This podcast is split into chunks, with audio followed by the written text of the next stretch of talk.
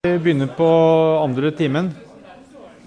Så jeg, en kort kommentar til pensumet. Eh, pensum er jo måte, delt i to, to, grunnbøker, og så er det det som kalles utdyping. Jeg, jeg, vil bare understreke at det som kalles utdyping, også er pensum. Eh, så den, den Lynch-boka som jeg stadig nevner, da, den er egentlig den viktigste i, i denne delen av, av emnet. Den eldre delen. For det står ganske lite om det i uh, Rasmussen Thomassen, det som kalles grunnbok. Så, det, så, dere kommer ikke utenom å skaffe dere den boka. Altså. Eller i hvert fall lese den.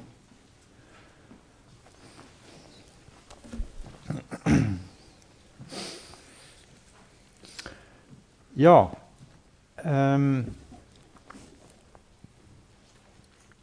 Da fortsetter vi uh, i, med å karakterisere uh, den retninga som vi kaller den proto-ortodokse.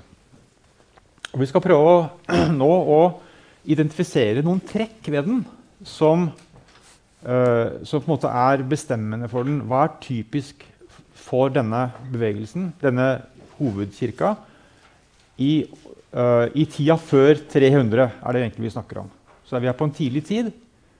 Eh, hvordan ser den ut? Hva er det vi finner der?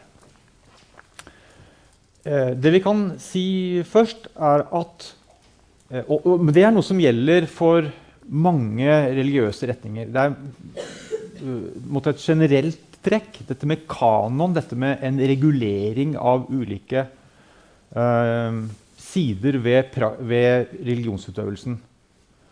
Uh, at det danner seg uh, sett med regler for hvordan man skal gjøre ting. Det, det er jo ganske naturlig. Uh, ordet kanon uh, betyr, uh, er gresk og betyr rettesnor eller målestokk. egentlig burde man altså uttale det kanon, for det er sånn det sies på gresk. Kanon. Men det blir litt rart på norsk å si kanon, så vi sier kanon. Uh, så eh, vi finner altså at eh, kanon gjelder på altså, Dette med reg denne reguleringen, regelstyringa, kan vi si, eh, gjelder på ulike områder. Det er jo ett område særlig som, som, man kanskje tenker på først når man snakker om kanon. Og da, hvilket, hva tenker dere på når dere hører kanon i en religion? Skriftkanon, ja. Nettopp. Eh, men faktisk så er skriftkanon bare én av flere kanoner, da, retninger. Eh, man finner nemlig en kanon for læren. Og det ordet kanon ble faktisk brukt eh, helt konkret i, i den tidlige tida. Man snakket om sannhetens kanon. Det var en slags læreformulering. En, en formulering av av uh, et slags eh, summarium, en, en, eh, et resymé av læren, uh, som han kalte kanon. Um, på latin trosregel, regula fidei, reg, en regel altså for troen.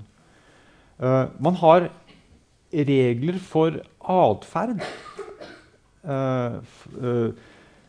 etikk, og det heter jo faktisk ofte til og med i vår tid kanonisk rett, eller kirkerett. Altså en, en, en, eh, en samling regler for kristen atferd.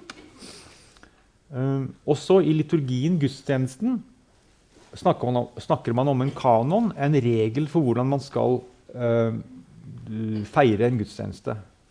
En, en, rituell regel, altså.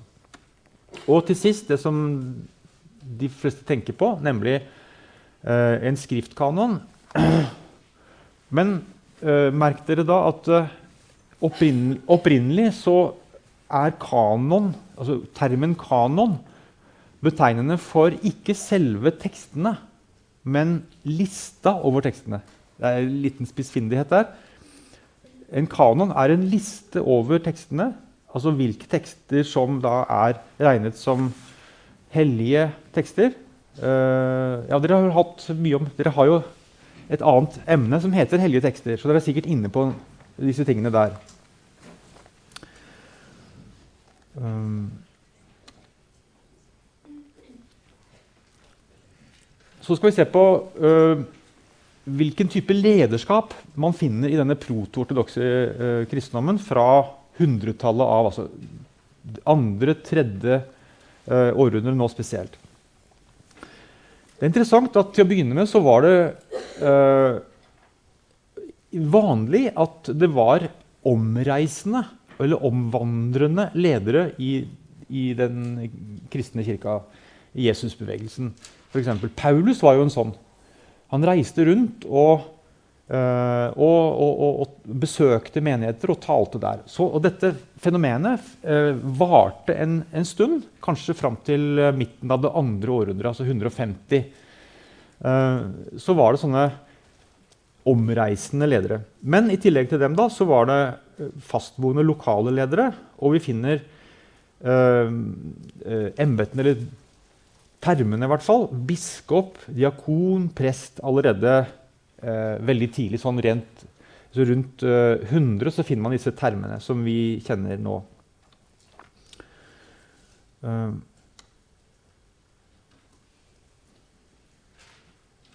men i det andre århundret, altså, eller, fram mot år uh, 200, så kan vi si at det er tre eh, kjennemerker, eller la oss kalle det identitetsmarkører, for den protortodokse kirke. Men altså jeg, jeg, tenker at det, det, nok gjelder andre grupper også enn akkurat den protortodokse. Men eh, den gjaldt i hvert fall for den, den eh, hovedkirka. Det første er at det er en biskop som leder. Um, man kaller det gjerne monarkisk episkopat. Hva ligger det der i den betegnelsen? Jo, uh, at det er én biskop. Et slags enbiskopsprinsipp. Det er ikke mange ledere, det er én, én leder for uh, en menighet. Uh, og i, i, denne biskopens ledelse så ligger det to ting, nemlig apostolisk tradisjon. Dette er to veldig, veldig tekniske og liksom kjente termer fra kirkehistoria. Apostolisk tradisjon og apostolisk suksesjon. Uh, begge de termene uh, betegner en eller annen forbindelse bakover til grunnleggere av disse menighetene, altså apostlene. Ja, Jesus hadde apostler, og disse reiste rundt etterpå og grunnla menigheter. Og det som de etterlot seg, tenker man, varte ved. Det var en, en, en tradisjon, da, en, uh, en, fortsettelse av det samme. Selvfølgelig det utviklet seg, men det var måte, i, i, grunntrekkene uh, de samme. Den samme lærer, den samme uh, ja, praksis også til dels. Så i denne tra tradisjonen tilbake til apostlene uttrykt i biskopens person for det var, det var biskopen som eh, manifesterte denne tradisjonen, denne suksesjonen. Eh, det var også en såkalt apostolisk suksesjon.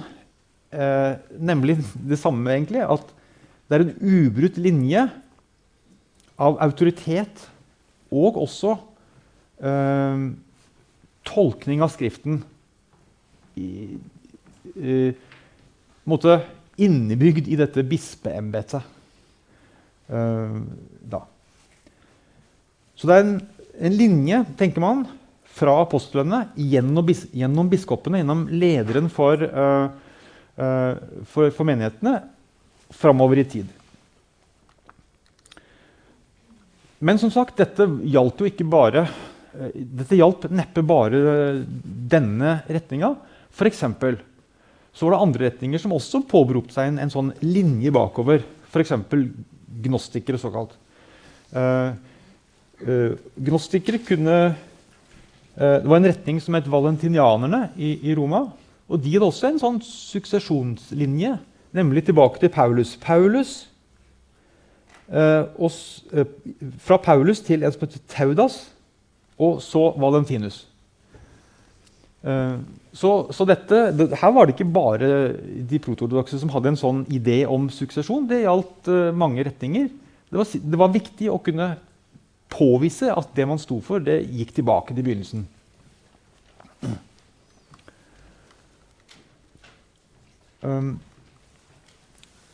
et annet kjennetegn er en, en bestemt uh, lære. Da. Jeg nevnte jo akkurat denne kanon for, uh, for troslæra. Denne sannhetens kanon. Uh, I trosregel, uttrykt i trosregel og trosbekjennelse. Da, det skal vi snakke mer om neste gang. Da. Og også en, en helt bestemt skriftkanon. så disse tre trekkene var, liksom, var identitetsskapende for, uh, for den protortodokse kirke. Det var sånn man kunne gjenkjenne den. Uh, og da, uh, siden dette gjelder mange, gjelder ulike retninger også, ikke bare den ene, så gjaldt det jo f.eks.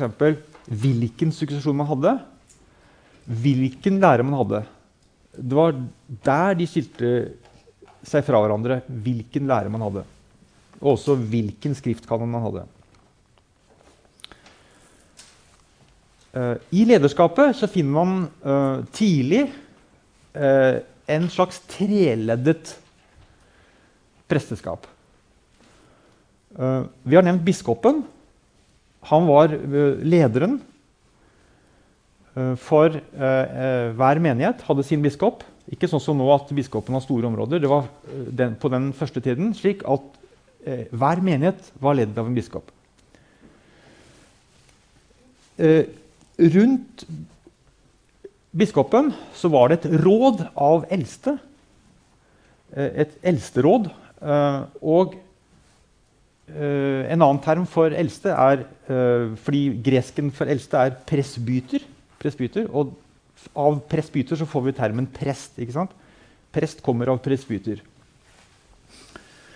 Så det var prester eh, rundt biskopen i én menighet. Så det var ikke slik at hver prest hadde sin menighet, men her var det preste, et presteråd i menigheten. Dette er en, en, en, den gamle ordninga, gamle organiseringa av, av, menighetene. Uh, og den tredje Og her er det en slags rang mellom dem. Pre, uh, biskop øverst, prest og så diakon nederst. Eh, diakonen er en, en tjener, en hjelper til biskopen. Um, så kan man spørre seg hvordan utviklet denne, denne lederstrukturen seg? Hvorfor, det, hvorfor ble det én biskop og, og, og, et presteråd rundt og en diakon? Um, det kan sikkert forklares på, på ulike måter. Det, um, en forklaring som er ganske vanlig, uh, og som også Lynch nevner, uh, det er en slags uh, rituell forklaring, kan vi si. Altså en, en forklaring av denne framveksten av lederskap. Altså en, en, en, rituell forklaring av sosiale strukturer. Nemlig at jo, biskopen er den som Biskopen var den som ledet gudstjenestene. Han ledet dåpsritualet, han ledet nattverden. Og i kraft av det så um, fikk han etter hvert en, fikk han en ledende stilling. Det, en sånn rituell forklaring kan nok ha mye for seg, fordi ritualene har en sentral plass i en religion. Det er den, på en måte den, den sentrale handling i en religion.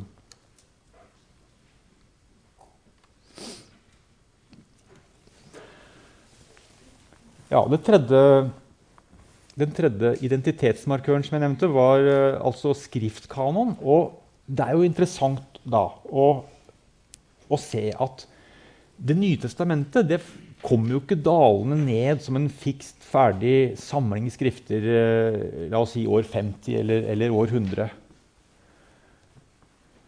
Det må vi virkelig ikke tro. Det tok lang tid for, uh, for, for, for de kristne. å liksom havne på en, eh, en, en fast og felles kanon for Det nye testamentet. Og um, det var altså slik at uh, det var ulike samlinger som man regnet for Det nye testamentet, i ulike områder uh, innen, innen, kristenheten. Og også i ulike retninger. Vi hørte om Markion, som, som ville ha en mye, min, mye mer begrenset kanon. Så det vi ser, er at det er først på 300-tallet at det, det er noenlunde uh, enighet i de ulike kristne områdene om Nytestamentet. Så det tar, det tar, flere hundre år faktisk å bli enige om hva som skal være Det nye testamentet. Um, hvordan valgte man så ut? Altså, hvilke kriterier hadde man for, uh, for, ulike, for valgene av, av, av, skrifter?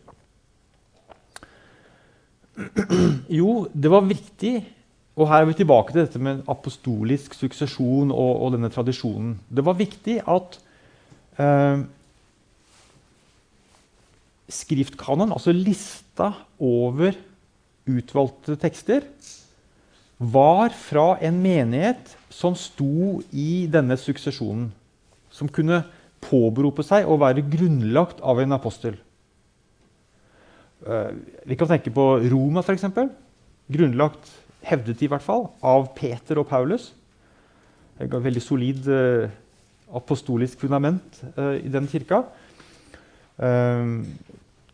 Antiokia, en annen viktig kirke, var også grunnlagt av Peter for øvrig eh, osv. osv. Det var mange som var grunnlagt av apostler, og disse, disse viktige kirkene, deres eh, skriftkanon, var viktige i denne prosessen. Eh, dessuten var det viktig at de skriftene man eh, valgte, var i overensstemmelse med denne troskanon, eller trosregelen så, så, i den forstand kan vi måtte si at valget av hellig skrift var, ble bestemt eh, og forutgått av en eksisterende tro. Det er, det er, jo interessant. Det er nesten det motsatte av det man ofte tenker seg. At, at jo, troen kommer av Skriften, men her på en måte ser man også den motsatte dynamikken.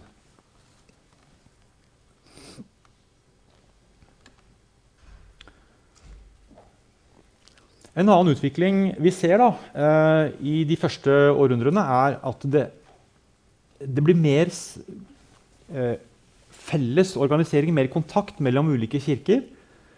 Samarbeid, samordning. Eh, biskopene, begynner, biskopene, får mer kontakt. Begynner å møtes til, til kirkemøter. Synoder. Man begynner å samarbeide om en felles troslære at man, vi, vi, ser at, at denne uh, protortodokse kirka vokser fram, uh, uh, strukturerer seg, organiserer seg, blir mer tydelig. vi får også en samordning av regler for det ene og det andre. For, for, for atferd, for gudstjenesteordning. Man, biskopene møtes til et konsil, eh, kirkemøter. De eh, vedtar ulike eh, regler for det ene og det andre. Eh, kanoner kalles jo disse kirkerettslige reglene. Eh, jeg vil for øvrig minne om det jeg sa sist gang, eh, helt på slutten. Et bilde på den, den powerpointen da, nemlig det, det, paradigmeskiftet som har funnet sted i de siste la oss si, 30 årene, særlig Fra at man tenkte at utviklinga gikk fra enhet eh, til mangfold, til at man nå mer og mer tenker at utviklinga gikk motsatt. Den gikk fra mangfold til, eh, til mer enhetliggjøring, eller ensretting. Ja, det, vi ser, det vi ser nå, er jo et mangfold men det skjer en stadig uh, organisering, klargjøring, regulering eh, av eh, kirkelivet, av, det, av, den religiøse praksis. Og det fører jo i det lange løp til en mer enhetlig type kristendom. Ja, det var eh, bolken om eh, eh, eh Om eh, Først om mangfoldet, så om den ene hovedkirka, som vi kaller proto-ortodoks. Nå beveger vi oss da litt fram, eh, enda mer fram i tid, nemlig til det fjerde århundret og femte. hvor da denne proto-ortodokse kirka blir, gradvis blir statskirke, blir Romerrikets egen kirke. Det er, dette er jo en enorm forandring. ikke sant? Enorm forandring fra at kristendommen var en minoritet, og bare noen tusen først, og, og noen millioner, til at den blir selve det store keiserrikets ene tillatte religion. Det, det, er, det, er, en enorm utvikling. Som hadde stor betydning og stor innvirkning også på hvordan kristendommen var. Eh, selvfølgelig den den forble jo den samme i, i bunn og grunn, vil, kan man hevde. Men i, på mange områder så utviklet den seg veldig, f.eks. i det ytre. Når den blir tillatt religion, og til slutt en, eh, tillatt og kan eh, begynne å bygge kirker, begynne å framtre i det offentlige eh, livet da, da, Det er en stor endring sant? Som, som tillater f.eks. en stor utvikling av gudstjenestefeiringa av den rituelle praksisen. Men la oss se på eh, konkrete trekk ved denne kristninga av Romerriket. Eh, før det så var det jo snakk om eh, konversjon, overgang i, i, i, i, mye mindre målestokk. ikke sant? Og det er interessant å se at eh, den, denne konversjonen ikke skjedde ved noen organisert misjon. Ikke ved at man, hadde, man skrev bøker, skrifter, for, for, å omvende folk. Og det var heller ikke gudstjenester for ikke-kristne. Gudstjenestene var for de kristne. Bø, eh, tekstene var for de kristne mest. Eh, konversjonene skjedde altså før 300 mest gjennom personlige møter. Og det at ikke-kristne ble tiltrukket av et eller annet, gjerne ved en praksis, f.eks. at de kristne viste stor, nært og fellesskap, at de eh, hadde omsorg for de fattige, eh, syke um, Og um, og til å begynne med så var uh, de kristne ansett som en slags jøder, som vi har vært inne på. Men fra midten av and, uh, det andre århundret så begynner uh, romerik, romer, romerske myndigheter å skjønne at jo, det er faktisk en annen religion. Det er en egen kristen religion. Men kristendommen ble jo ikke autorisert. Den ble ikke anerkjent som en, som en egen lovlig religion. Eh, og de kristne ble av og til forfulgt, men som regel tolerert. De fikk lov til å holde på med det de gjorde. De var jo ikke så mange heller. Um, uh, og så kom det altså til store forfølgelser av og til. Men hva, hva, var egentlig problemet med de kristne i denne tida før, før det ble statskirke? Hva, hvorfor, det, hvorfor, ble det forfølgelser? Hvorfor hva var problemet til de kristne for, uh, for, myndighetene? Eller hvilke problemer hadde de kristne med romerske myndigheter? Jo, uh, de kristne ville tilbe én gud. Dette er en monoteistisk religion. De ville tilbe og ofre bare til Gud. Men uh, romerske myndigheter avkrevde ofringer til de romerske gudene. Og til og med til keiseren. Og der var hadde de kristne problem. Uh, jødene slapp det, men det var jo en autorisert religion. De kristne var, måte, var jo ikke det.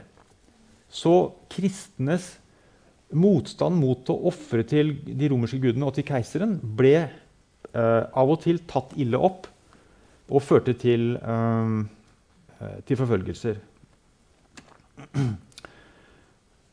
Og vi kan nevne to store forfølgelser. Eh, nemlig eh, midt på 200-tallet og begynnelsen av 300-tallet. Og da er det så eh, ille at det er nærmest en, et forbud mot å være, mot å være kristen. Og keiser Desius i 250, 250 krever at alle rikets innbyggere, inkludert de kristne, må ofre til de gudene til keiseren. altså. Så da er det en del kristne som, som eh, ikke våger å si nei. Det er, det, de risikerte jo livet. Så de, eh, mange falt rett og slett fra.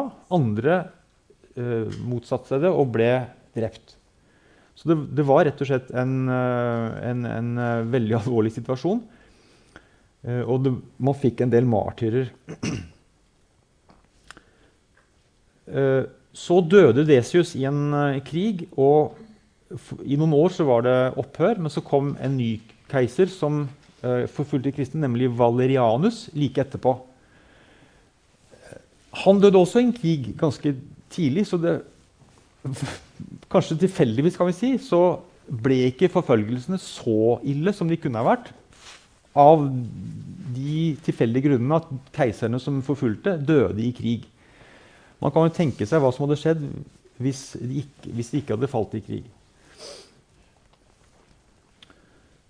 Uh, ok, Så øker antallet kristne enda mer. Og, uh, og, og, de blir på en måte en, en større trussel da, hvis man skal si det sånn, uh, mot riket etter hvert som de blir flere og flere. Og på begynnelsen av 300-tallet så er det det man kaller den store forfølgelsen. Det er en, en, en, ja, en betegnelse denne forfølgelsen har fått. Varte noen år under keiserne Dioklesian og Galerius. Og da eh, ble det utstedt ordre fra keiserne om at alle kristne gudshus, da, kirker det, det, var jo ikke så mange offentlige enda, men det var tross alt en del. Ofte husmenigheter, huskirker. Eh, de skulle rives, kristne bøker skulle ødelegges. Og det ble rett og slett forbudt å holde og feire kristne gudstjenester. Så dette er den store forfølgelsen med mange martyrer. Uh, og den varer i en del år, som vi ser. 303 til 311. Men uh, uh, så tar det slutt. Og hele forfølgelsen blir Eller forbudene blir opphevet, og de kristne får lov til å gjøre det de gjorde før, ved keiserne Konstantin og Lisinius. Konstantin er jo den som virkelig snur det hele uh, i denne tiden. Så de fikk tilbake kirker og kirkegårder og, og annen eiendom. så stiller jeg et retorisk spørsmål, nærmest. Kristnet denne keiser Konstantin Romerriket? Nå står jo svaret her, da. så det blir ikke noe reelt spørsmål. Men det er jo noe som sies av og til. Uh, og, og, det er kanskje mange som tenker det, at, at det var keiser Konstantin som kristnet Romerriket. Men det må dere ikke skrive på noen eksamen. For det, det, det er rett og slett ikke riktig. Det han gjorde, var å starte en prosess som endte med kristning av Romerriket. Så den æren skal han ha. Han startet en prosess. Han ble jo selv kristen. Men øh, han øh, startet denne prosessen med å tillate kristendommen. Og da er vi på øh, 313. Det som kalles toleranseediktet i Milano. Her. Så han tillot kristendommen først. Og etter hvert, da han ble keiser, enekeiser i 324 keiser, Enekeiser over hele Romerriket i 324 så øh, favoriserte han kristendommen blant alle religionene som fantes i Romerriket. Ikke at han forbød de andre, men han favoriserte kristendommen. Så det er et nytt, en måte, nytt, ny etappe på veien mot, uh, mot statskirke. Så noen viktige punkter da, i den, denne prosessen uh, er uh, altså dette toleransediktet i Milano 313, som da endelig anerkjente kristendommen som en lovlig religion. Det er først da det kommer, altså. Um, og gjennom dette århundret fram til, uh, fram til 381 så er det en stadig sterkere favorisering av kristendommen. Uh, de fleste keiserne er nå kristne. Um, og støtter opp om, om, om, kristendommen. Men det er et interessant intermezzo, et en plutselig reversering av, av, prosessen med keiser Julian, som kalles den frafalne. 300, fra 361 til 3.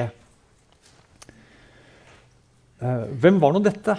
Hvem var keiser Justinian, Justine, Julian den frafalne? Jo, han, han ble født som kristen og oppdratt som kristen.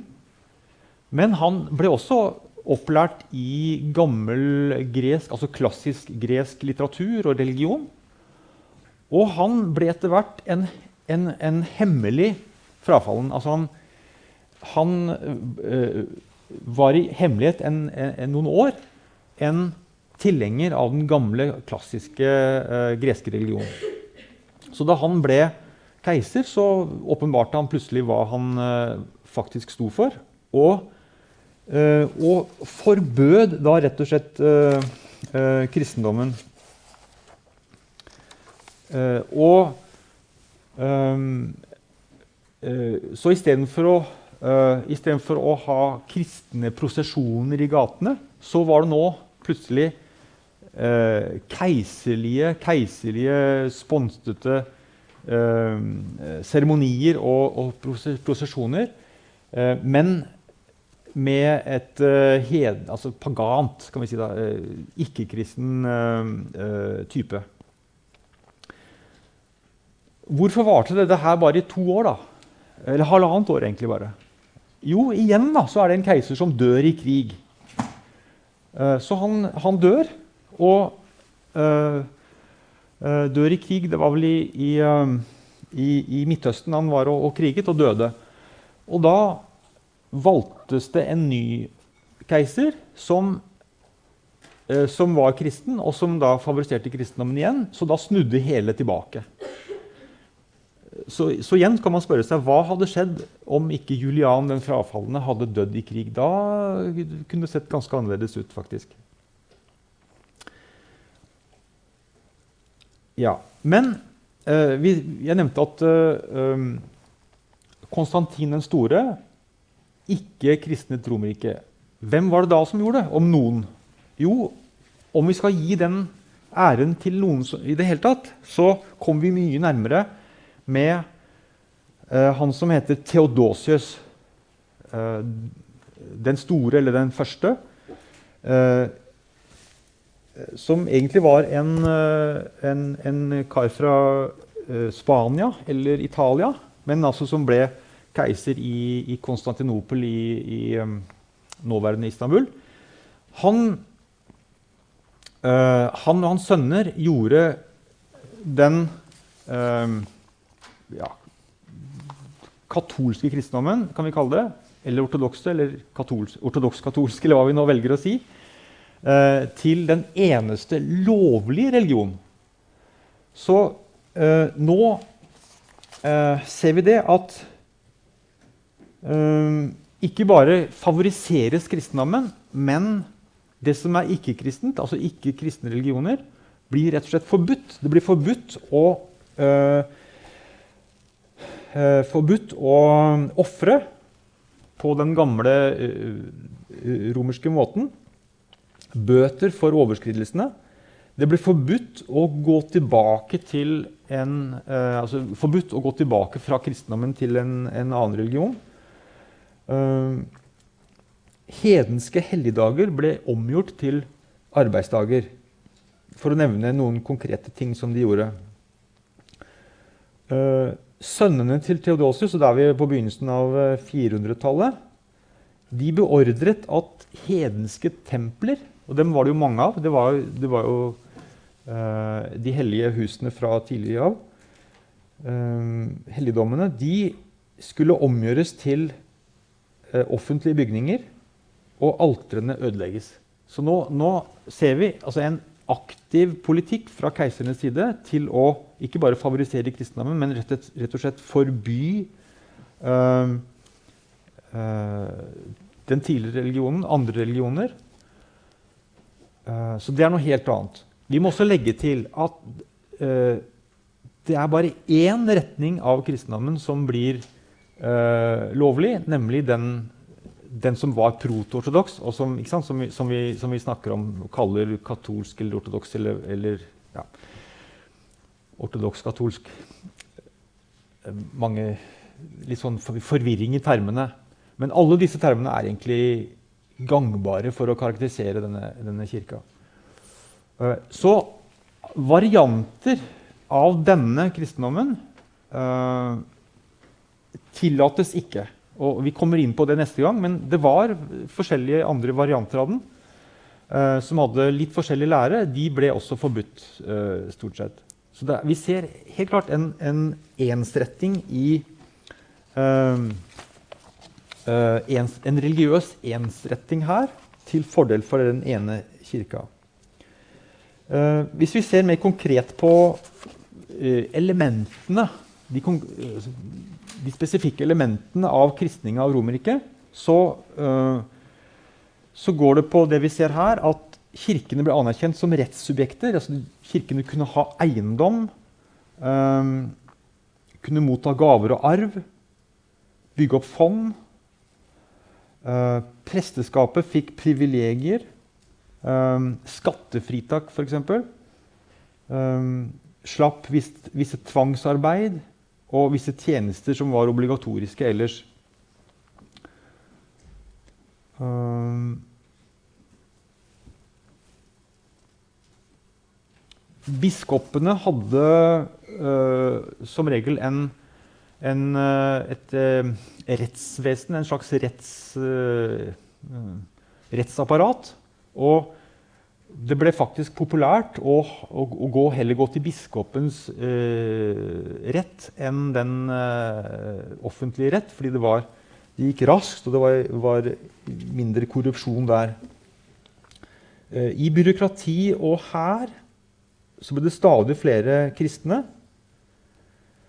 Eh, og keiserne eh, de var jo nå kristne, og de eh, begynte å motsette seg og ta del i gamle ritualer som, som statlige hedenske ritualer. Keiserne fjernet økonomisk og juridisk støtte til templer, f.eks. Altså kuttet, liksom, kuttet støtten til, til, hedenske templer og stengte noen templer. Um,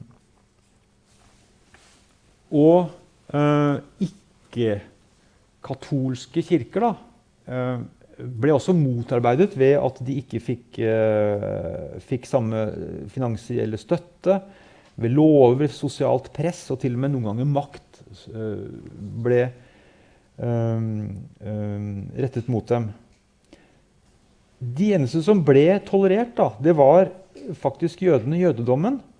De fikk, akkurat som tidligere før statskirka oppsto, uh, fikk lov til å eh, eksistere og, praktisere sin religion. Men de var like fullt en slags annenrangs borgere. Det var, det var, visse ting som de ikke fikk, fikk delta på. Eller f.eks. de kunne ikke ha en stilling med autoritet over en kristen.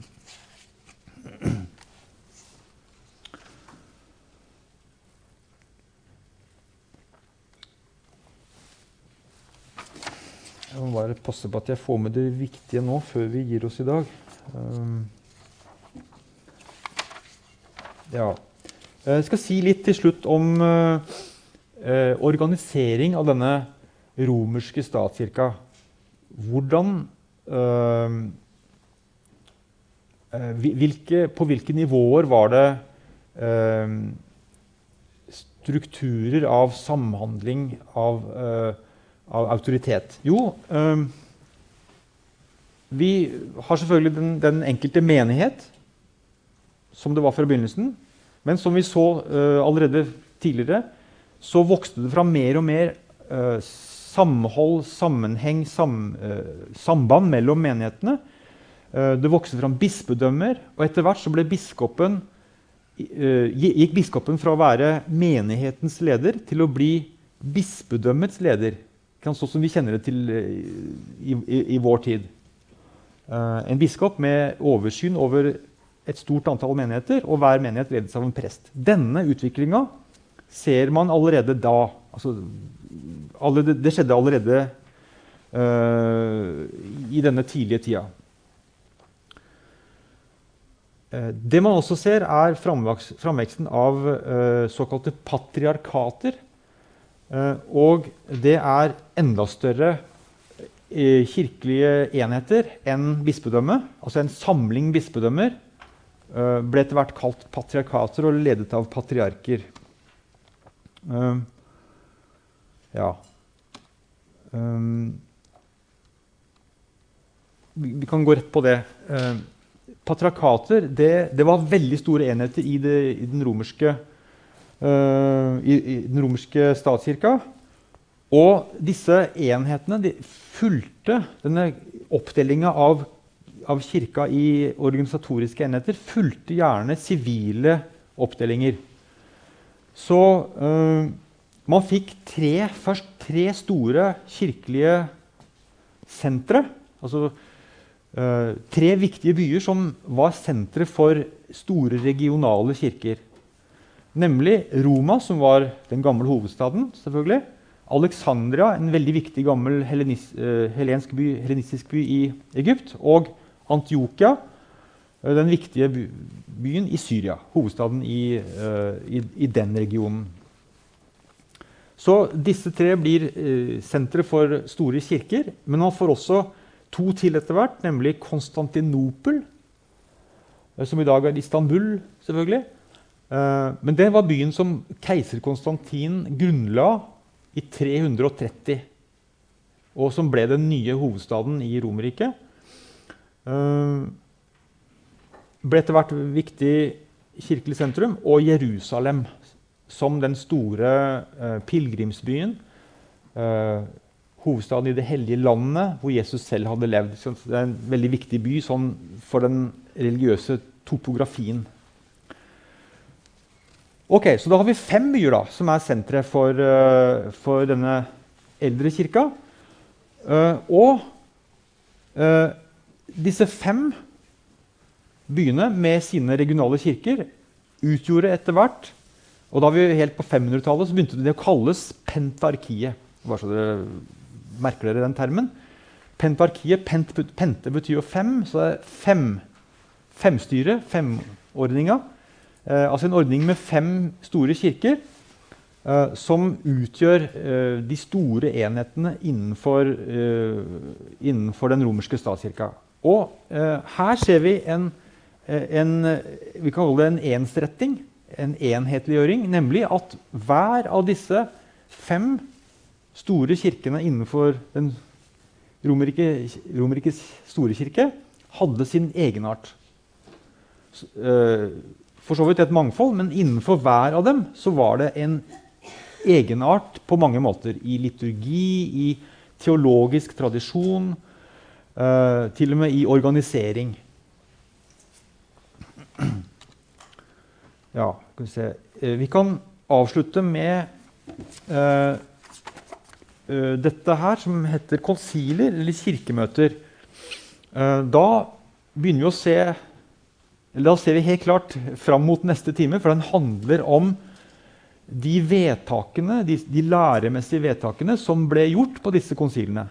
Og konsiler, Et konsil er jo et kirkemøte, en, en, stor samling, særlig av biskoper, fra i prinsippet hele uh, romer, den romerske kirke, altså Romerrikets kirke, uh, for å løse et eller annet problem. Det var ikke sånn at det, det liksom, hvert år eller hvert femte år så ble det eller til en fast tid ble, ble, holdt et kirkemøte. Man kalte inn når det var en stor konflikt eh, som, eh, som, eh, som, måtte løses. Eh, så man begynner å se sånne mer lokale konsiler på slutten av 100-tallet. På 200-tallet mer regelmessige konsiler. Men det er først på 300-tallet, når altså, kirka blir eh, tillatt da, og, og, og, etter hvert favorisert, at vi får såkalte økumeniske konsiler. Økumene jo, betyr jo verden.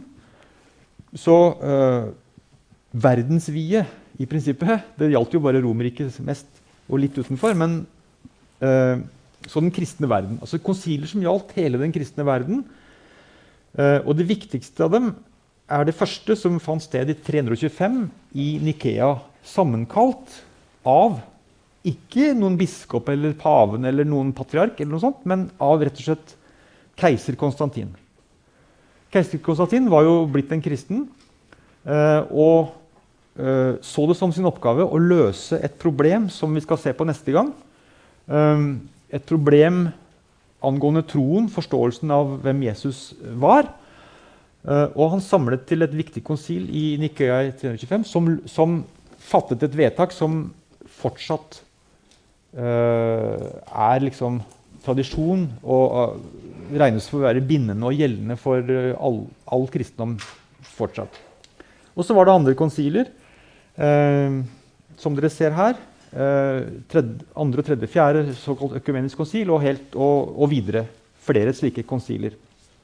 Eh, og eh, eh, hvis dere ser på hvor disse stedene ligger, Nikea, eh, Konstantinopel, Efesus, Kalkedon, så er vi, vi, er, vi, er i, vi er ikke i, Roma. Vi er, ikke, vi er altså rundt Konstantinopel og den østlige delen. Så det var konsiler som ble innkalt av den eh, østlige keiseren og holdt der. I det området der. Um, ja, så jeg minner avslutningsvis om at uh, Romerriket jo var blitt delt i to uh, deler, øst og vest, i 395. Og at Vest-Romerriket uh, led en, en, en, verre skjebne enn Øst-Romerriket, nemlig at det gikk under i 476. 476. Da opphørte Vest-Romerriket å eksistere, men Øst-Romerriket fortsatte i mange hundre år til. Så vi kan si at jo, Romerriket gikk under, men det fortsatte jo også. Så det gikk ikke under eh, egentlig ikke før i 1453, da, da tyrkerne inntok eh, Konstantinopel. Um, ok. Takk for nå. Um, vi ses neste uke. Da er temaet teologi eller lære. Uh, og den spennende utviklinga som som fant sted, og det mangfoldet også som, som var i, i, de første århundrene, og fram til liksom, at man formulerte bindende uh, lærevedtak. Takk.